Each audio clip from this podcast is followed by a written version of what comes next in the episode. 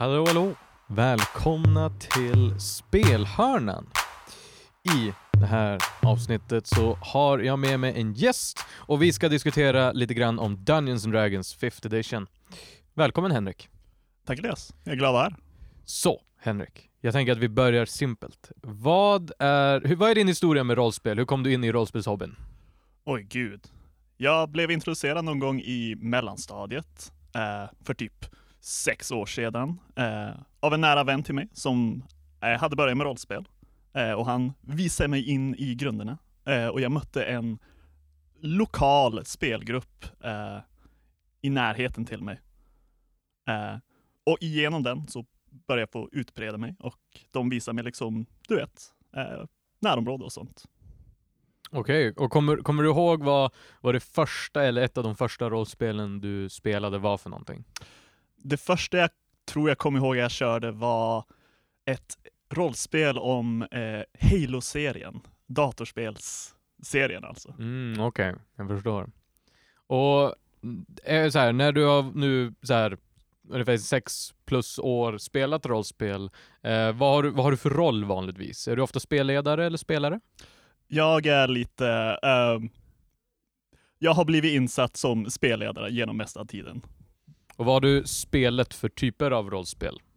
Det har mest varit uh, större, längre kampanjer. Uh, ofta fantasy-inspirerade settings av olika slag uh, som jag har lett till.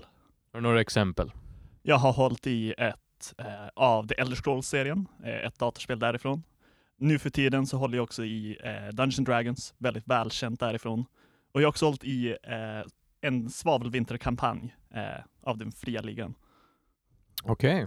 Och Dungeons and Dragons är ju det som eh, egentligen temat av den här eh, episoden och det här avsnittet som vi spelar in just nu. Uh, Dungeons and Dragons 5th edition. Uh, du spelar i den kampanj. Jag är med som spelare i den kampanjen också. Är det så? Det stämmer. Och uh, jag tänker, kan du bara snabbt så här försöka bara förklara, vad är Dungeons and Dragons 5e?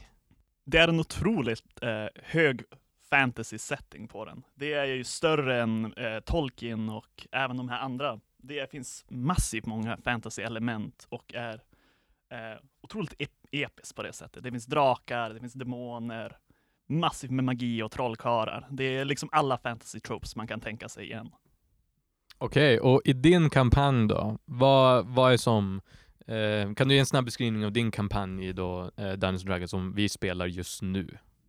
Absolut. Eh, min kampanj började eh, och har simpla premissen att eh, en gammalt eh, kungadöme som har levt i frid ett partal år eh, plötsligt hamnar under skräcken av en gammal tyrannisk kung som har växt upp eh, ifrån de döda av ett misstag och försöker nu åter ta tillbaka sitt rike som han en gång i tiden eh, styrde över. Och spelarna måste då försöka stoppa, mycket riktigt, han. Yes, jättespännande. Eh, personligen tycker jag att det är jättespännande. Um, och Dungeons and Dragons, det är ju 5th edition. Har du någon mm. erfarenhet av de gamla eh, versionerna? Jag har inte kört något av dem tidigare. Jag hoppade direkt in i femman. Eh, jag tror det var ett bra beslut. Vad jag har hört så ska femman vara en simplare av versionerna. Och redan nu så är det ganska ändå lite skräckinjagande hur komplicerat systemet är. Det tog ju ett bra tag att bli bekväm med systemet. Jag får ju fortfarande många regler fel, så jag kan inte föreställa mig att ha börjat med typ 3.5 eller någon av de äldre modulerna. Mm. Och jag tänker vi ska gå in lite mer kanske på, eh, på reglerna, men hur, hur, hur kom det sig att du kom in i Dungeons Dragons 5th edition? Vad var det som gjorde så att du bestämde dig för att, ja ah, men det kan jag försöka plocka upp och kanske göra en kampanj av? Det har ju alltid varit liksom en, eh, en kultklassiker inom rollspel. Dungeons Dragons känns ju nästan som eh, eh, the poster child, eller liksom eh, huvudfronten när man tänker sig rollspel nästan. Det är det första som jag i alla fall alltid kommer att tänka på eh, när det kommer till det. Jag blev ju också inspirerad av eh, många YouTube-personligheter eh, som höll i det. Eh, speciellt serien Critical Role eh, var ett stort steg för mig att försöka ta upp en egen kampanj till det också. Yes. Och nu när du har kört den här kampanjen lite tag och du har spelat den, ehm, så här, uppfattar du det nu i efterhand lite grann efter att ha hållit på med det lite tag att eh, så här, det är ett, ett bra system? Eh, absolut. Eh, mycket tankar har lagts in i det, definitivt. Eh, det är djupt komplicerat och det är väldigt spelar och spelledarvänligt också. Eh, jag, jag, finner mycket nöje i det. Eh, jag har ju kört några moduler och det upplevs ju som att, eller olika kampanjsystem. Och det upplevs verkligen vara ett av de här mer eh, detaljerade och eh, ja, mer genomarbetade systemen. Så jag tänker att vi ska ge oss in lite grann på, eh, på reglerna. Och vi, jag, jag, har ju mest erfarenhet av spelare i Dungeons and Dragons. Jag har mm. börjat lite grann att försöka spelledare, men du har ju mycket mer av en, en spelledarhistoria med systemet. Så jag tänker mig att vi kan väl bara så gå igenom några av de grundregler, de grundpelare som håller upp eh, hela systemet. Eh, och jag tänker mig att vi kan väl börja med eh, vad är det för tärning som oftast används? Är det en specifik eller flera? Uh, nästan alla tärningar används i DNDs 5 e i alla fall. Eh, det klassiska är väl T20, det är väl det naturliga man använder för det mesta av slagen man gör. Men nästan varje tärning har ett syfte i systemet. Mm. Och det tycker jag är jätteroligt egentligen, alltså att man använder alla tärningar. Eh, för jag vet ju att om man började köpa tärningar så fick man ju, man köpte ju ofta de här setsen som hade alla. Eh, men sen så hade du din D8 och din D12 och din till och med D4 och du bara, ja, kanske jag får använda någon gång. Eller hur? Eh, känns som att D6 blev nästan det enda man använde ett tag, men det, är roligt att den använder alla. Ja, absolut. Och hur går det till med så här stats och sånt? Om du ska dra igenom så här grunden till systemet då det kommer till just stats och skills. Ja, varje karaktär byggs grundläggande upp på ett par skills som beskriver liksom vad din karaktär är bra och vad han är dålig på. Uh, om man bara tar grunderna så finns det egentligen bara sex grundstats som varje karaktär kan ha. Styrka, uthållighet, eh, uh, sådana saker. Uh, som beskriver bara liksom i grunden hur stark din karaktär eller hur smidig den är i jämförelse men man kan också vara eh, speciellt bra på vissa specifika områden till sig. Det är där skillsen kommer in. Vissa karaktärer kan vara bra historiker och veta mycket historia. Andra kanske kan vara vältränade och kan lyfta mycket. Eh, vissa kan vara bra på att smyga eller stjäla. Det är mer detaljerade aspekter av det som ger mycket mer karaktär till ja, karaktären än eh, de stora attributen. Mm. Och eh, karaktärer då. Eh, av vad jag vet så finns det ju hur många klasser och, och raser som helst eh, i Dungeons and Dragons. Och det kommer bara fler. Och det kommer bara fler, exakt, med varje ny bok. Um, och som spelledare, uppfattar du det som någonting som är eh, roligt, eller uppfattar du det som någonting som kanske är lite svårt med systemet, att kanske försöka hålla koll på alla klasser och raser som finns? Det är lite jobbigt såklart med att hålla koll på det, men eh, jag brukar inte hänga mig upp så mycket på det. Jag tycker mer i motsats att det bara är en bra grej. Det skapar så mycket variation och så många olika karaktärer man kan göra. Det finns alltid någonting nytt som man inte riktigt har testat. Det är väl svårt att bli liksom, att det blir gammalt att göra nya karaktärer. Det är alltid lite skoj till det. Mm, ja men så känner jag som spel, spelare, att det, det absolut finns, eh, man finns ju många val. Mm. Eh, men det är också det som kanske gör så här, man får lite choice paralysis till sig, att man eh, men man sitter där och bara, oj, oj, oj, okej, vad ska jag köra för någonting? Ska jag vara en fighter arcane archer eller en wizard uh, uh, enchanter? Ja, jo exakt, för varje klass har ju som en subklass till sig. Mm. Och vissa raser har ju subraser till sig också. Jag tror det finns typ tre olika dvärgar eller något sånt och fem olika alver eller något liknande. Och sen så finns feats också som kan göra att man blygar gapen mer. Det finns mycket character, eh, så här, karaktärsval och det finns mycket eh, det finns många olika mechanics som man kan använda för att så här, bygga ut sin karaktär på. Ja, absolut. Det, det, är kul från, från spelarens perspektiv. Uh, är det något med systemet och reglerna som du uppfattar är, är väldigt krångligt från uh, spelledarperspektiv? Det finns väldigt mycket som jag känner nästan faller onödigt i väldigt specifika fall. Det finns nästan en regel för allting i Dungeons Dragons. Uh, vad den kan föreställa sig. Hur mycket ett föremål ska kosta om man säljer det hur mycket ett fall ska göra i skada, eh, hur stor bonus en kruka ger i försvar. finns nästan regler för varje liten detalj. Och det är väldigt lätt att bli liksom vilse och det kan kännas nästan lite, lite övligt komplext i vissa fall, om man ska följa böckerna till punkt. Okej.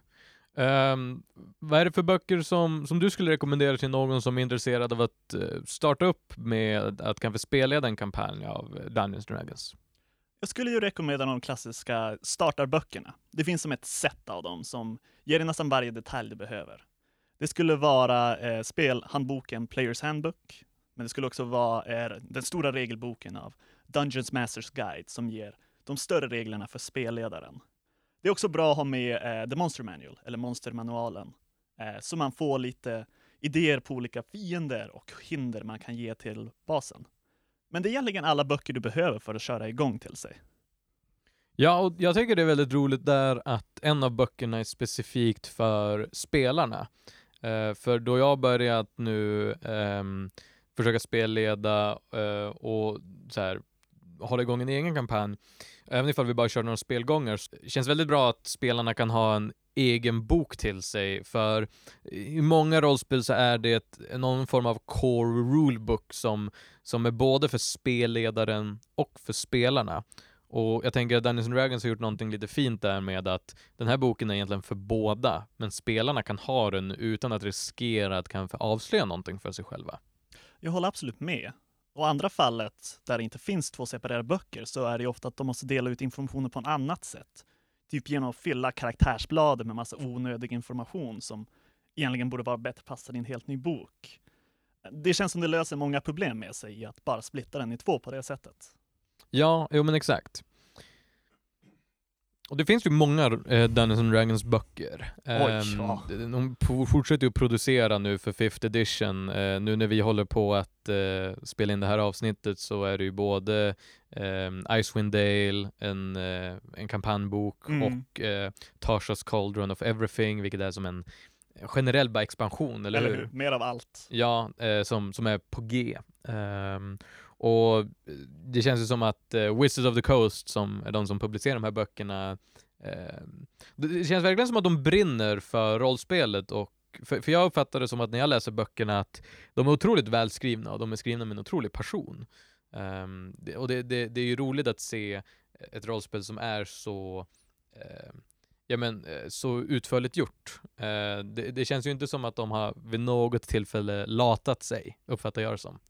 Nej, absolut inte. Det känns inte som att eh, uh, huck några genvägar i det här. Det, varje liten detalj finns för det och de har verkligen visat att det finns en passion. Man kan använda det här i liksom vilken setting man än vill ha det. Det är gjort för nästan vem som helst att kunna använda för någonting och jag tycker det är så bra med den.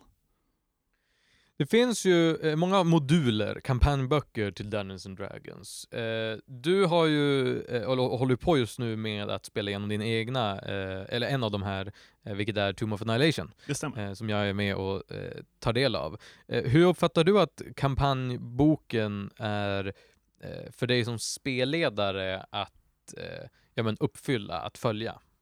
Den är ärligt talat rolig att läsa, vilket jag inte förväntar mig av en regel eller guidebok till sig.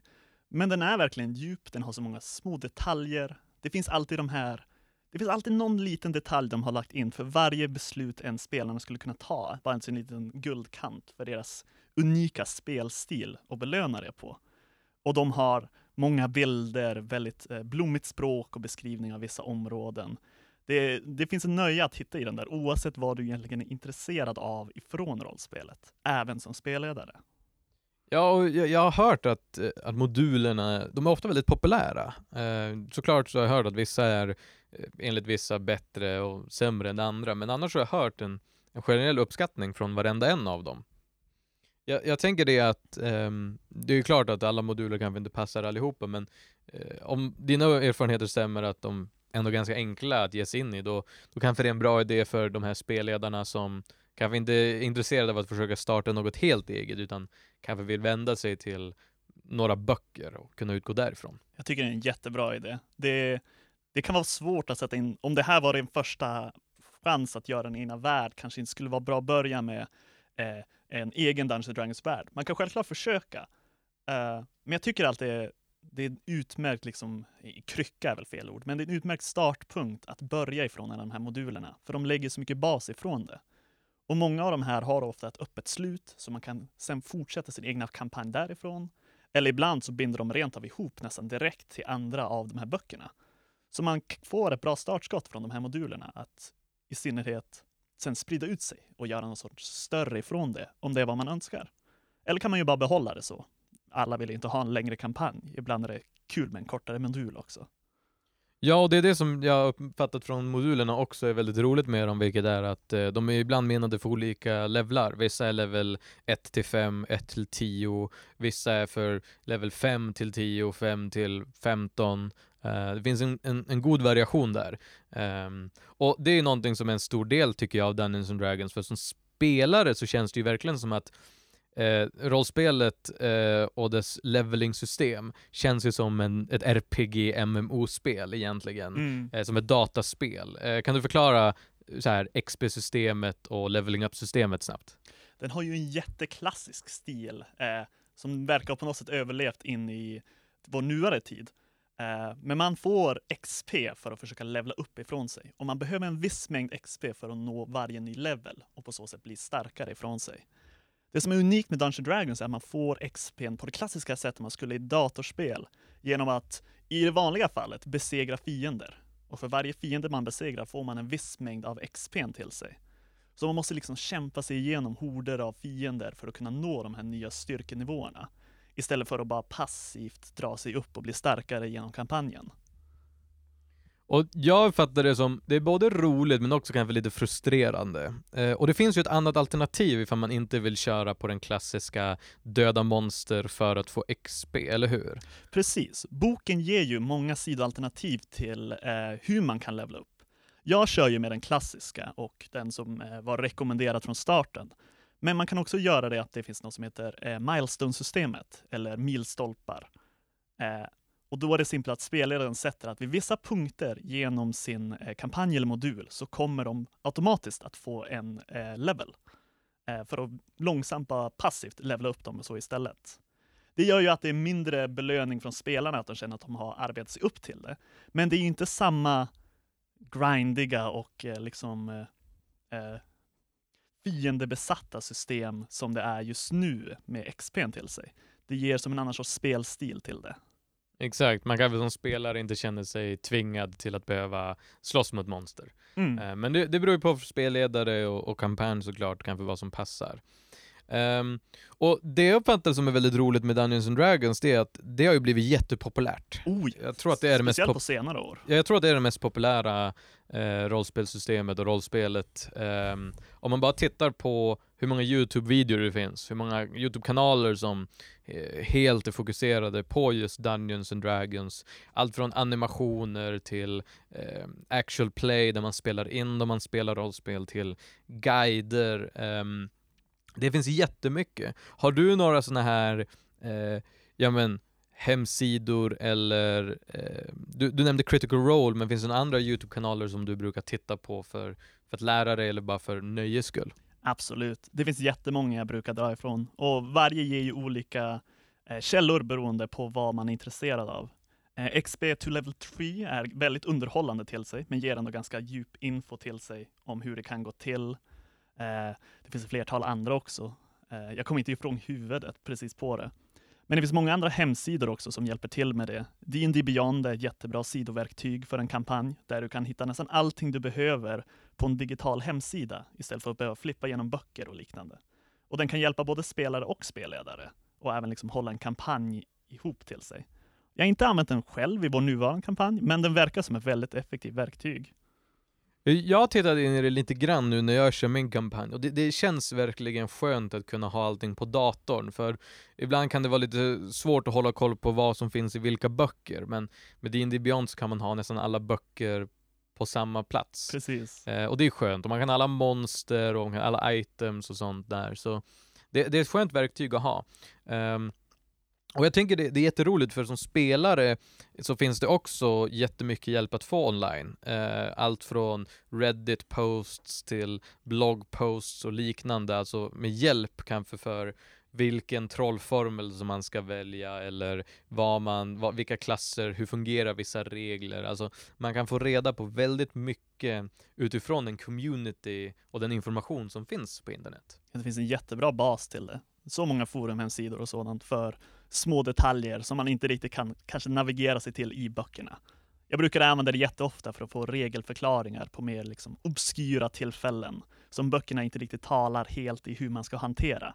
Då finns det ju ofta någon sorts forumpost där de har pratat om det sedan tidigare.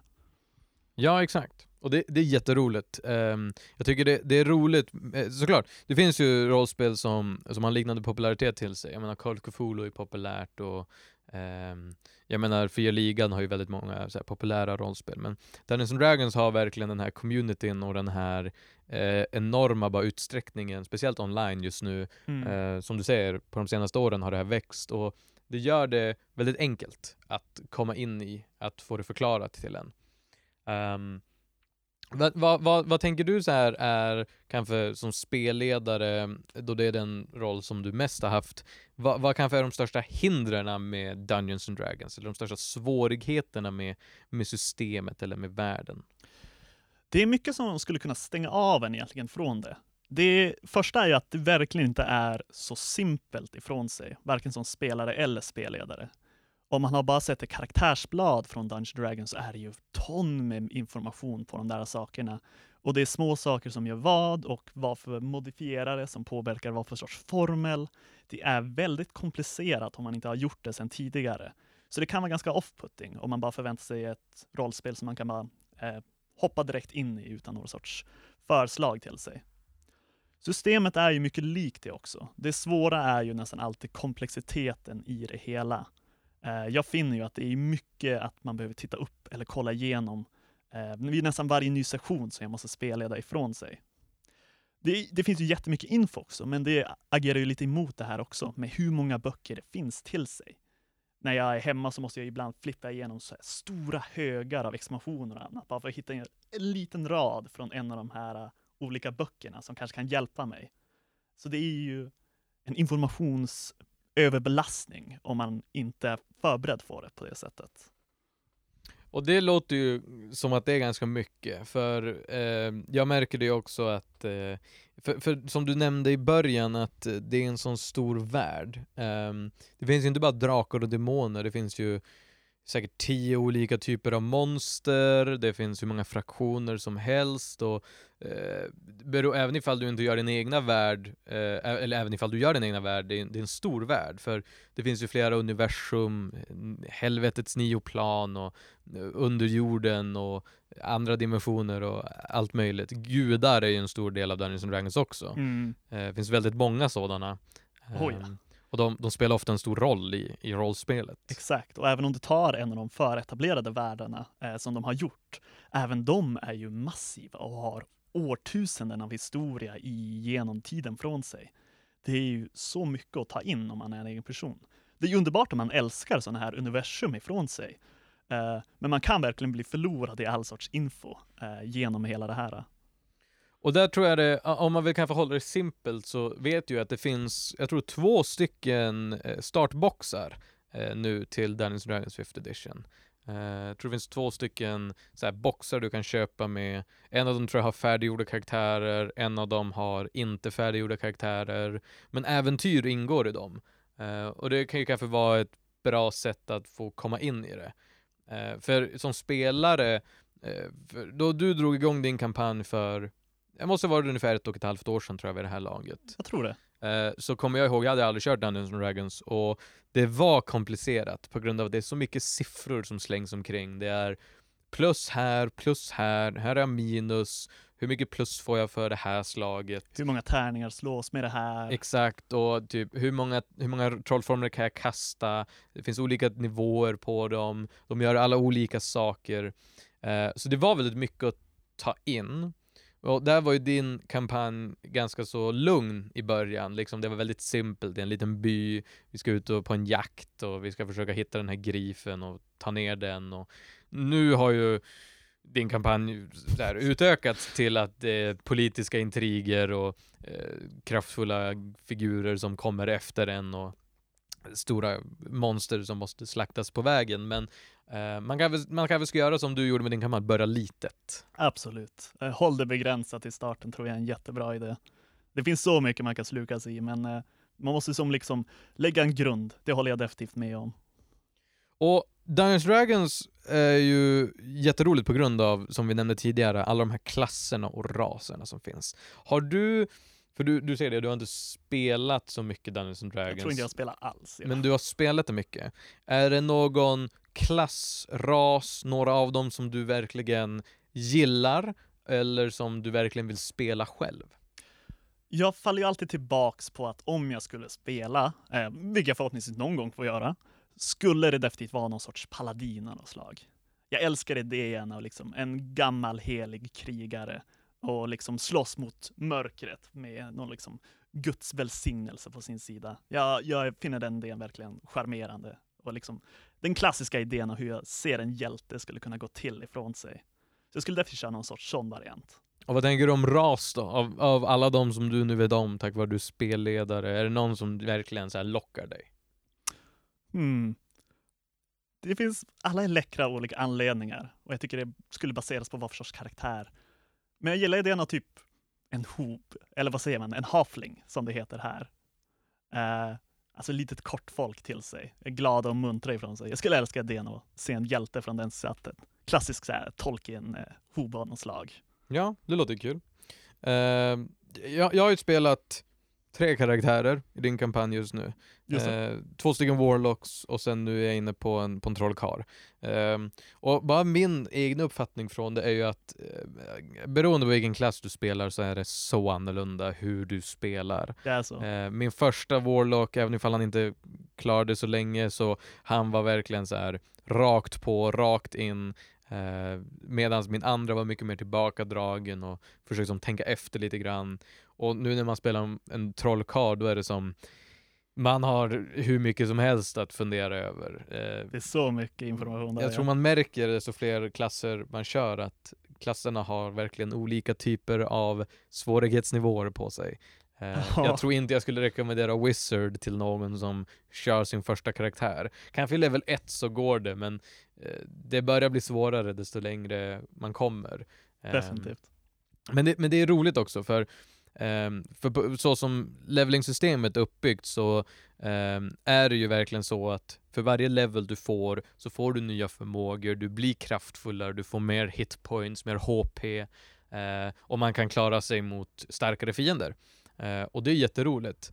Um, jag vet inte, hur uppfattar du det att karaktärerna blir, för det är någonting som uppfattar jag väldigt unikt med just Dungeons and Dragons. Karaktärerna till en viss nivå blir väldigt kraftfulla. Oh, de ja. blir ju otroligt kraftfullare än nästan alla andra i världen eh, efter en viss punkt. Hur uppfattar du det som spelledare att ha den här gruppen som Eh, simpla problem som att klättra upp för ett berg blir inget problem då man har magi eller att, att falla från ett stup, det är inget problem för man har magi eller Barbarianen, han kan ta hur mycket damage som helst, han, den här bossen, han gör ingenting. Hur är det som spelledare att hantera?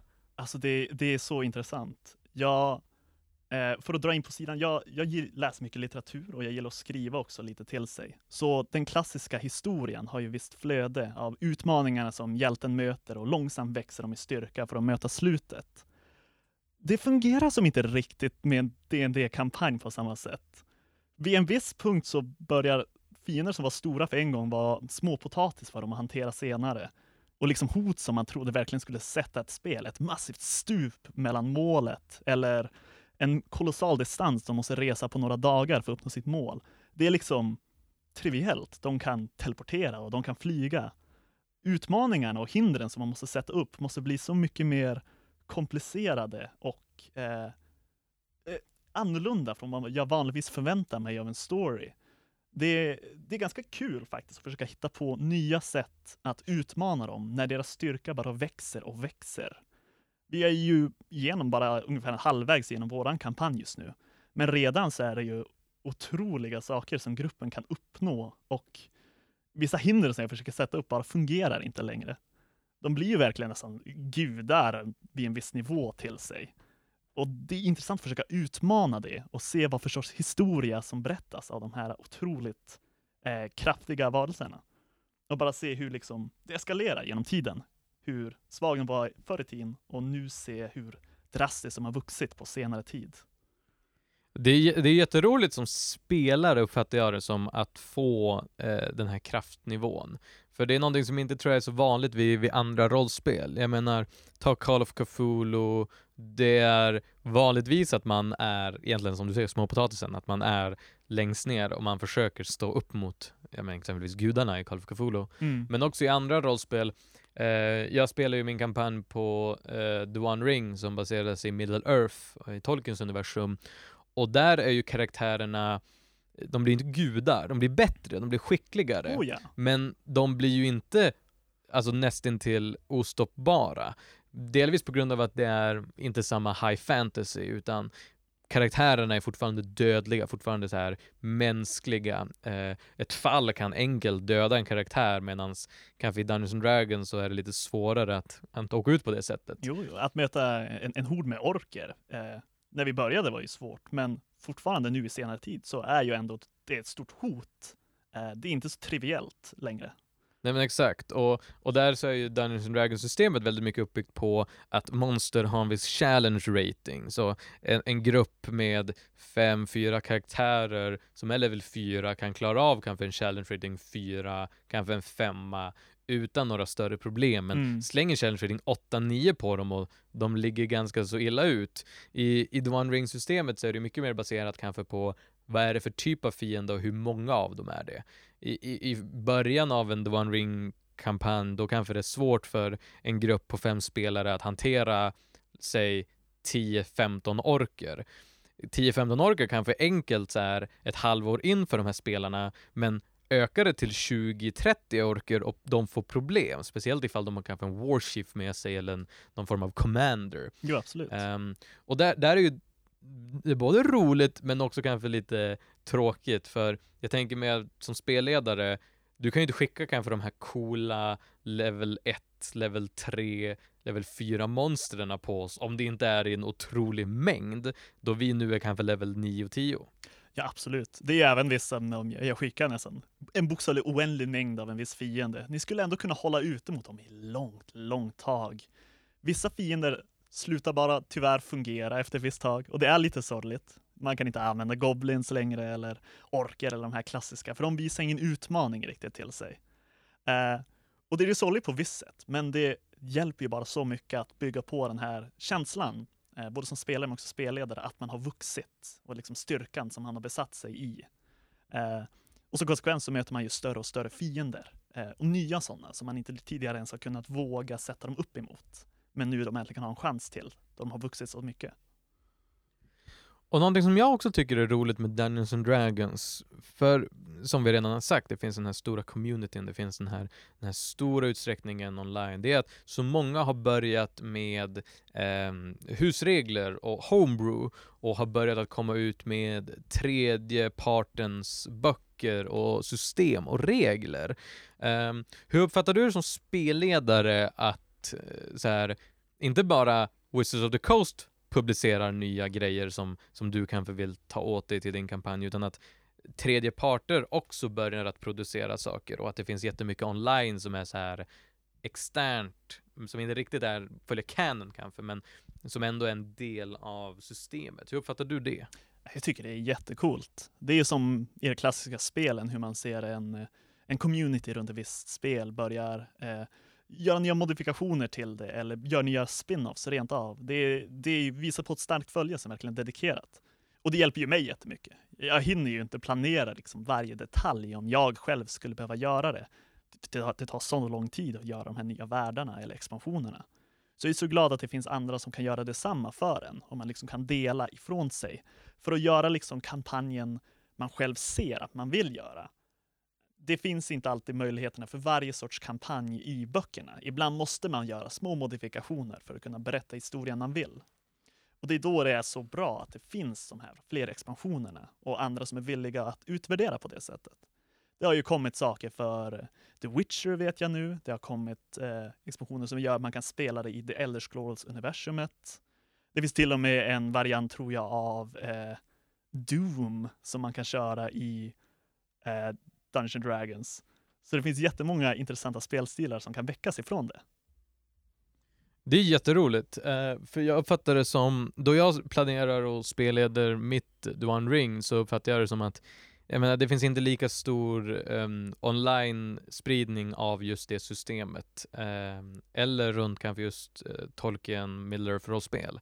Men det finns jättemycket om Dungeons and Dragons. Så, Så mycket. att typ försöka hitta en karta är jätteenkelt om man bara googlar på D&D 5e e Map för idéer till en battle map eller till en dungeon.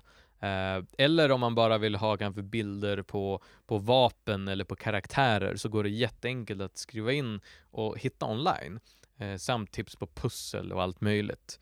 Eh, det gör det egentligen jätteenkelt, även ifall jag inte spelleder just One Ring, eller D&D.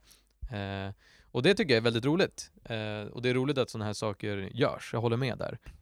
Så jag tänker, som spelledare nu för den här kampanjen som har hållit på i ett och ett halvt år, hur mycket jobb så här, lägger du ner på det som, som spelledare för din kampanj? Alldeles för mycket.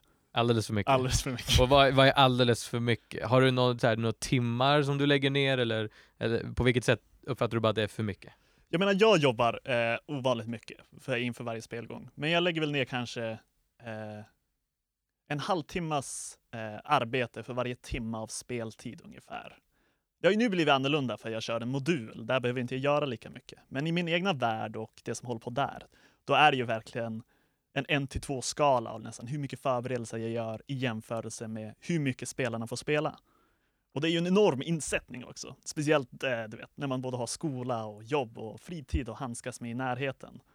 Eh, så det kan vara ganska tidskrävande, men det är ju bara om du, du vet, själv väljer att göra det. Eh, du kan klara det på mycket mindre, speciellt med moduler och liknande som vi har sagt. Ja, eh, jag, jag, håller, jag, jag känner igen mig att det, det är väldigt mycket att behöva, behöva arbeta med då jag också spelleder. Eh, och moduler och böcker hjälper ju eh, jättemycket där. Så det är ett tips till er som lyssnar och är sugna på att dra igång någonting att har ni inte så mycket tid eh, men ni vill spelleda, kör kanske på en starterbox eller modul. Ja, jag är nog inget a- överambitiös till att börja med. Exakt. Eh, nu, du kör ju en liten, kanske unik eh, kampanjstruktion. Eh, för du har två grupper i din kampanj. Det stämmer, vi, vi gör så. Och det är kanske inte det, det standard, utan standard är väl kanske man har fyra, fem spelare, en spelledare. Ja, Ehm, så du har ju då två grupper, fyra, fem i varje och du spelleder båda. Ehm, uppfattar du det som ännu svårare? Jag gjorde ju det hoppet för ett tag sedan från en till två grupper och man märker ju av det. Det är definitivt mer att inte bara planera såklart, då det bokstavligen bara är dubbelt så mycket kampanj. Eh, Det är ju också mycket mer krävande på ett annat sätt, för båda grupperna är både aktiva i samma värld, så de påverkar världen men på olika ställen.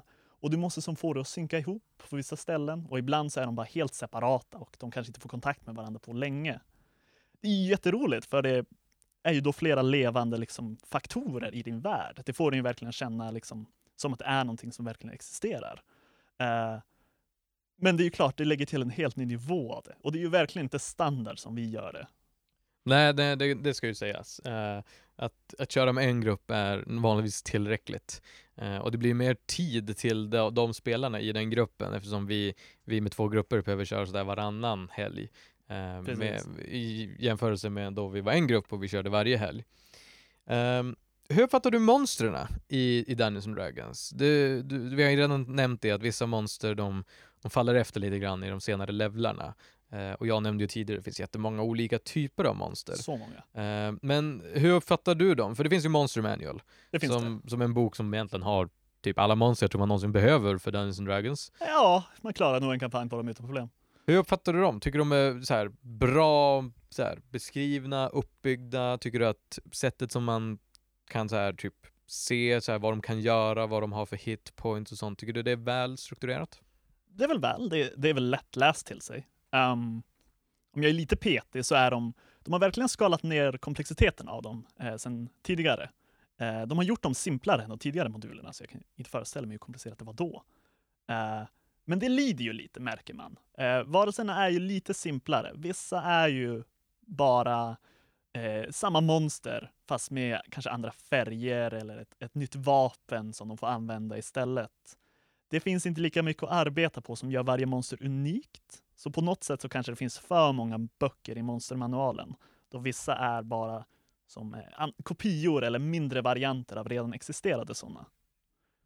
Jag förstår vad du menar. Um, det, det, det, det, märks också då man, då man tittar igenom. Det finns vissa monster som kanske inte har lika mycket historia till sig som man kanske skulle önska. Nej, precis. Um, och det märks också kanske att, jag menar vissa av monstren är väldigt, väldigt lika varandra, att de, de har inte så kanske stor skillnad till sig. Uh, jag tänker väl på alla drakar, det finns jättemånga olika drakar men de är alla ganska så lika i sig. Det handlar ju mer om vad är de för färg och vad har de för typ av elemental eller liknande attack till sig. Det är sant, det är sant. Um, men jag tycker det, det, är roligt att det finns en hel bok för monstren. För jag vet att i många andra böcker då handlar det om att, jag menar om man bara tänker på kanske, jag tänker på då, The One Ring böckerna, då är det ju ofta att monstren finns kanske i slutet av grundboken till sig. Um, jag, jag, tycker om att det finns kanske en, en separat bok. Det, det, gör det att man behöver köpa en till bok kanske för att kunna ha de här monstren, men jag, jag uppfattar det fortfarande som väldigt eh, effektivt. Hjälper, hur, hur, hur tycker du håller med eller? Ja, jag håller definitivt med. Det gör ju det lättare att hitta information när man vill. När jag körde Svavelvinter, då var det ju praktiskt taget att eh, spelledarguiden, spelarnas guide och monstermanualen var bara ihopslagna i en bok.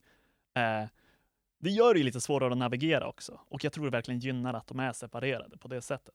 Men det är ju klart, D&D är också, det borde nämnas, den lätt dyraste rollspels eh, rollspelet som jag har gått in i. Det stämmer, det, det stämmer absolut. Det kan verkligen bli dyrt om du väljer att spendera tiden och köpa varje liten detalj som miniatyrer och fler tärningar till det. Ja, det, det, är helt sant. Uh, jag menar de här grundböckerna som du nämnde, Monster Manual, Players Handbook och Dungeon Masters Guide. Uh, du klarar ju på de tre egentligen för att spela Dungeons and Dragons. Uh, men bara där så, det har gått förmodligen över tusingen. Ja, eh, redan ifall, där. ifall du köper dem från din eh, lokala spelbutik eller beställer dem online. Um, och sen så är det ju en, en modulbok, en, en, bok går ju oftast på runt 400-500. Eh, mm. Så en modulbok går förmodligen på det. Um, och sen är det ifall du vill man kan ju köpa karaktärspapper men det går ju lika bra att skriva ut vill jag ja, påstå. Absolut. Men sen vill du kanske ha en spelledarskärm. Det är en annan 200-300. Sen så vill du ha kanske några spelplaner eller spelmattor. Sådana finns det många av, eh, men de går vanligtvis också på en 200-300. Du behöver rätt pennor för dem, som vi har lärt oss den, den svåra vägen. Oh ja, mycket bleach. Yes, och du behöver, eh, ifall du vill ha en spelplan då, du kan köra med schackpjäser som vi gör, eller tärningar, men det kan vara kul att ha miniatyrer och figurer. Där har vi vänt oss mot Pathfinder.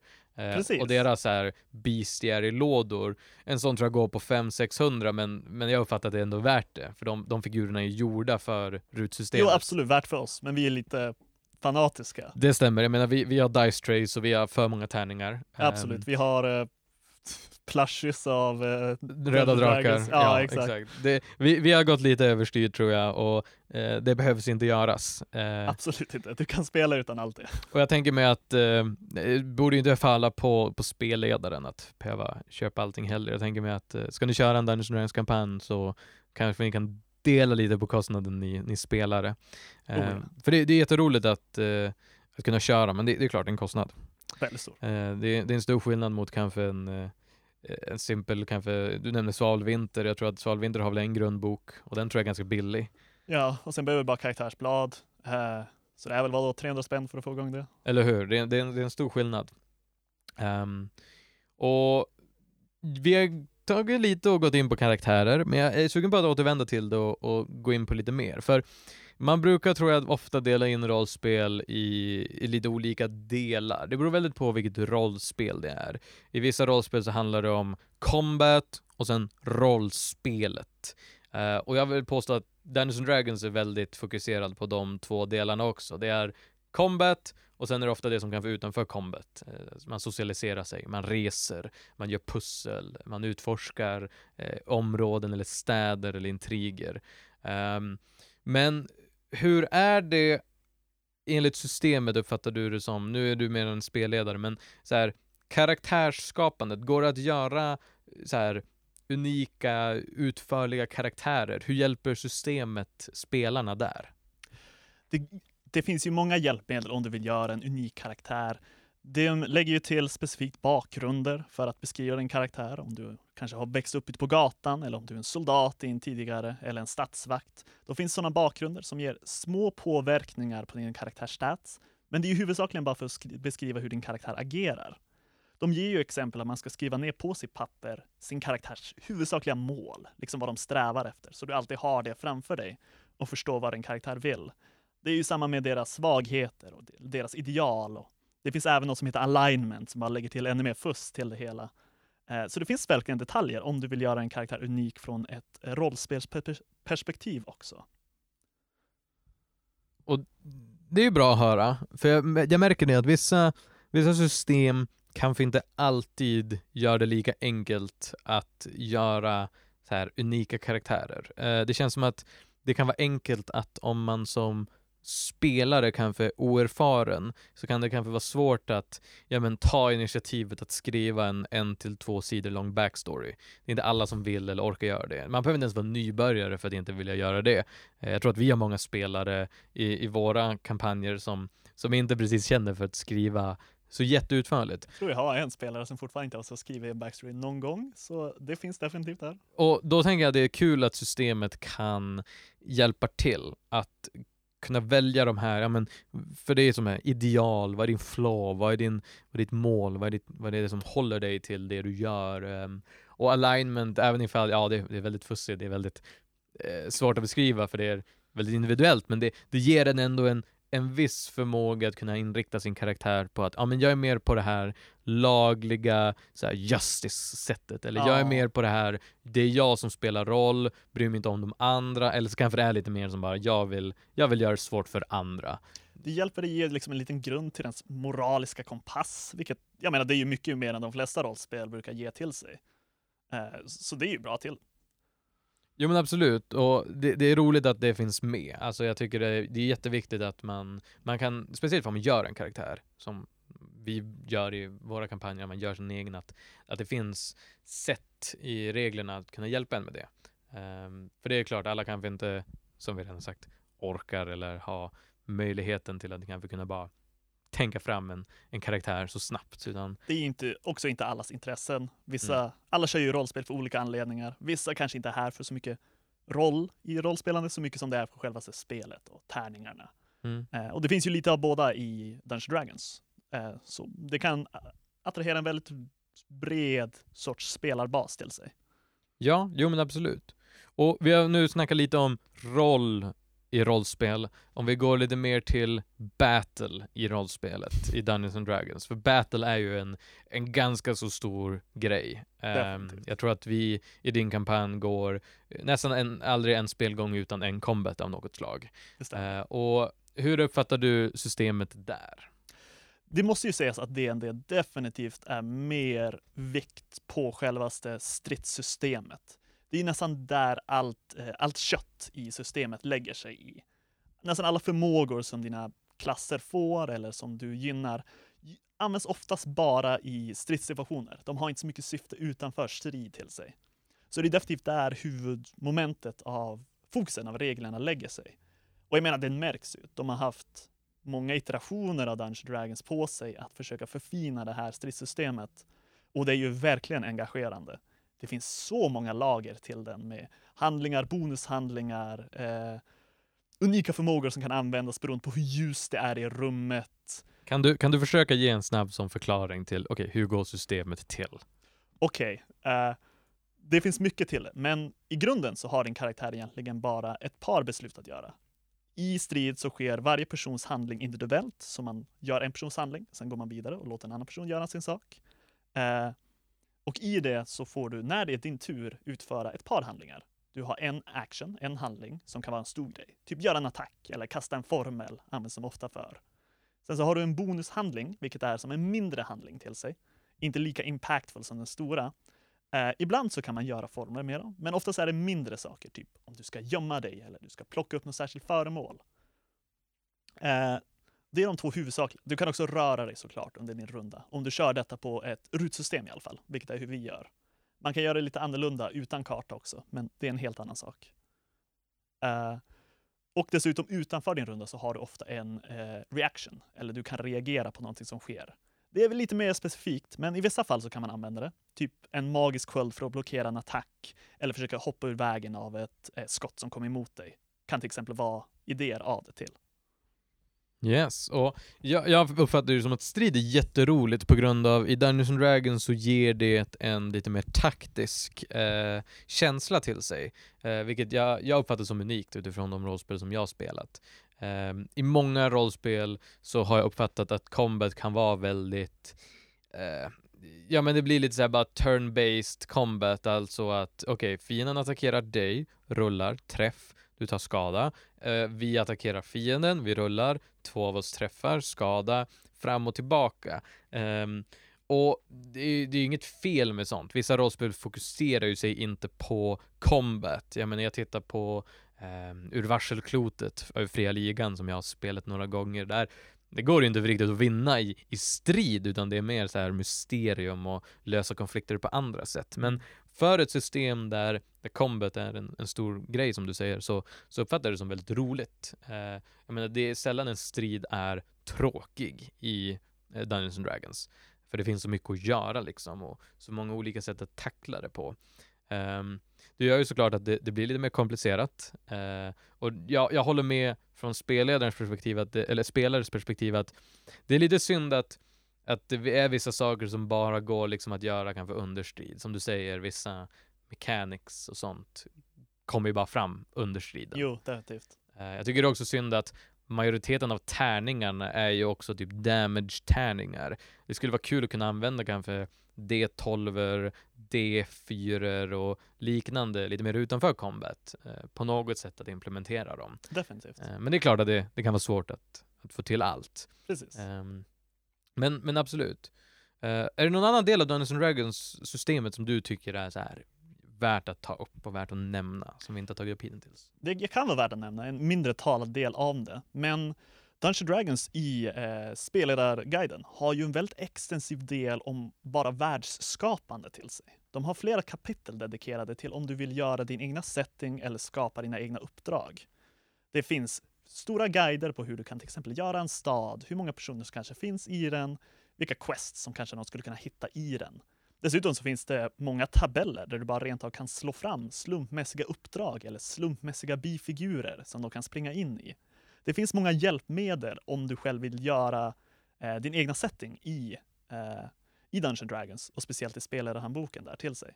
Och jag tycker det är riktigt schysst, för det finns inte ofta så många stödhjul i många andra kampanjer jag har kört det är ofta väldigt mycket press på spelledaren själv att komma på absolut allting. Där kan jag absolut hålla med. Eh, jag menar, som jag redan nämnt, jag spelade en kampanj i The One Ring och det finns mycket att, att be om eh, där, alltså hjälp för att kunna ja, men lägga till saker för att kunna utöka världen. Det, det är lite som att världen redan är gjord i de böckerna och det inte finns så mycket för mig att, att lägga till.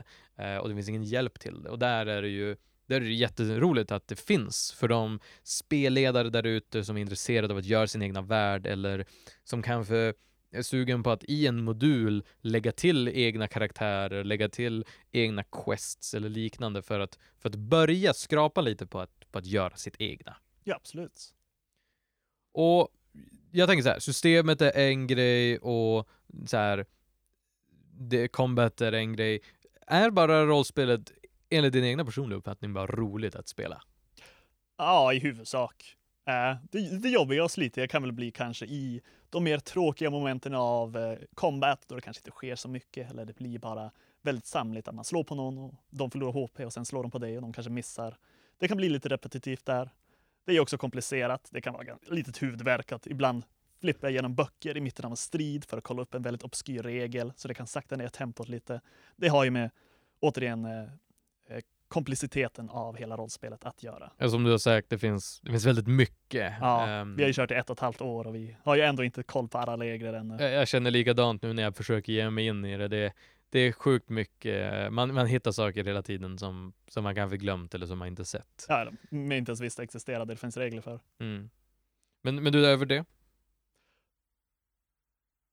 Utöver det så har jag inte så många klagomål på det. Det är ju definitivt den bästa modul eller spelsätt eh, jag har haft, alltså i helhet, om man inte ska specialisera sig på en viss spelstil så är Dungeons and Dragons utmärkt för en bred stil av olika spelstilar. Om man vill specialisera, då finns det ju fördelar. The One Ring-systemet som du kör är ju absolut utmärkt för att utforska Tolkiens värld specifikt. Eh, och det som jag körde tidigare, Svavelvinter, har ju fördelar utanför det i en mer lång kampanj eller en dramatisk historia med en väldigt specifik profetia av något slag till sig. En väldigt hård röd tråd. Ja, absolut, och jag menar, alla system är ju olika bra för, för olika saker. Definitivt. Men i helhet, för mm, flesta olika settings, Dungeons Dragons är en utmärkt grund. Det behöver inte ens specifikt vara fantasy. De ger ju regler för att kunna göra en sci-fi setting eller mer medeltida utan någon sorts magi. Det finns regler där att gå efter. Ja men, härligt. Och jag, jag håller med liksom, jag uppfattar det som ett jätteroligt rollspel att köra. Eh, det finns så mycket att göra, eh, det är så utförligt och, eh, och, och egentligen att man kan, man kan egentligen jobba lite, lite med, med ens karaktär och vad man vill göra och sånt. Hemifrån tycker jag också är väldigt roligt. Med tanke på att det finns så mycket online och det finns så mycket att ta in. Eh, regler och tips och allt annat. Um, jag uppfattar det som jätteroligt. Kul att du också uppfattar det som roligt. Jag antar att det är därför du fortfarande håller igång din kampanj. Ja, efter så här lång tid. Absolut. Efter så här lång tid, exakt. Uh, men jag har inte så mycket mer att säga. Uh, så jag antar att jag får tacka dig Henrik. Jag får tacka vara här. Och uh, tack till er som lyssnat. Uh, hoppas ni har haft det trevligt här i mitt hörn. Uh, ifall ni tycker om Dungeons and Dragons och är intresserade på kanske lite mer Dungeons and Dragons uh, och kanske inte vet så mycket om det men är sugen på att höra lite mer om hur det kan gå till så har ju vi här på spelhörnan ett helt eget hörn som är just gjort för action roleplay där en grupp som är rollspelare har redan börjat göra karaktärer och kommer att börja spela Dungeons and Dragons som ni kan lyssna på. Så där kanske ni kan få lite inspiration, lite idéer och kanske lite bättre inblick i vad Dungeons and Dragons är för någon typ av rollspel. Så kolla in, finns här där ni lyssnar på podden, eh, alla våra andra avsnitt och eh, vi ses i nästa avsnitt av Spelhörnan. Hej då Henrik! Hej då Elias! Hej då ni som lyssnat.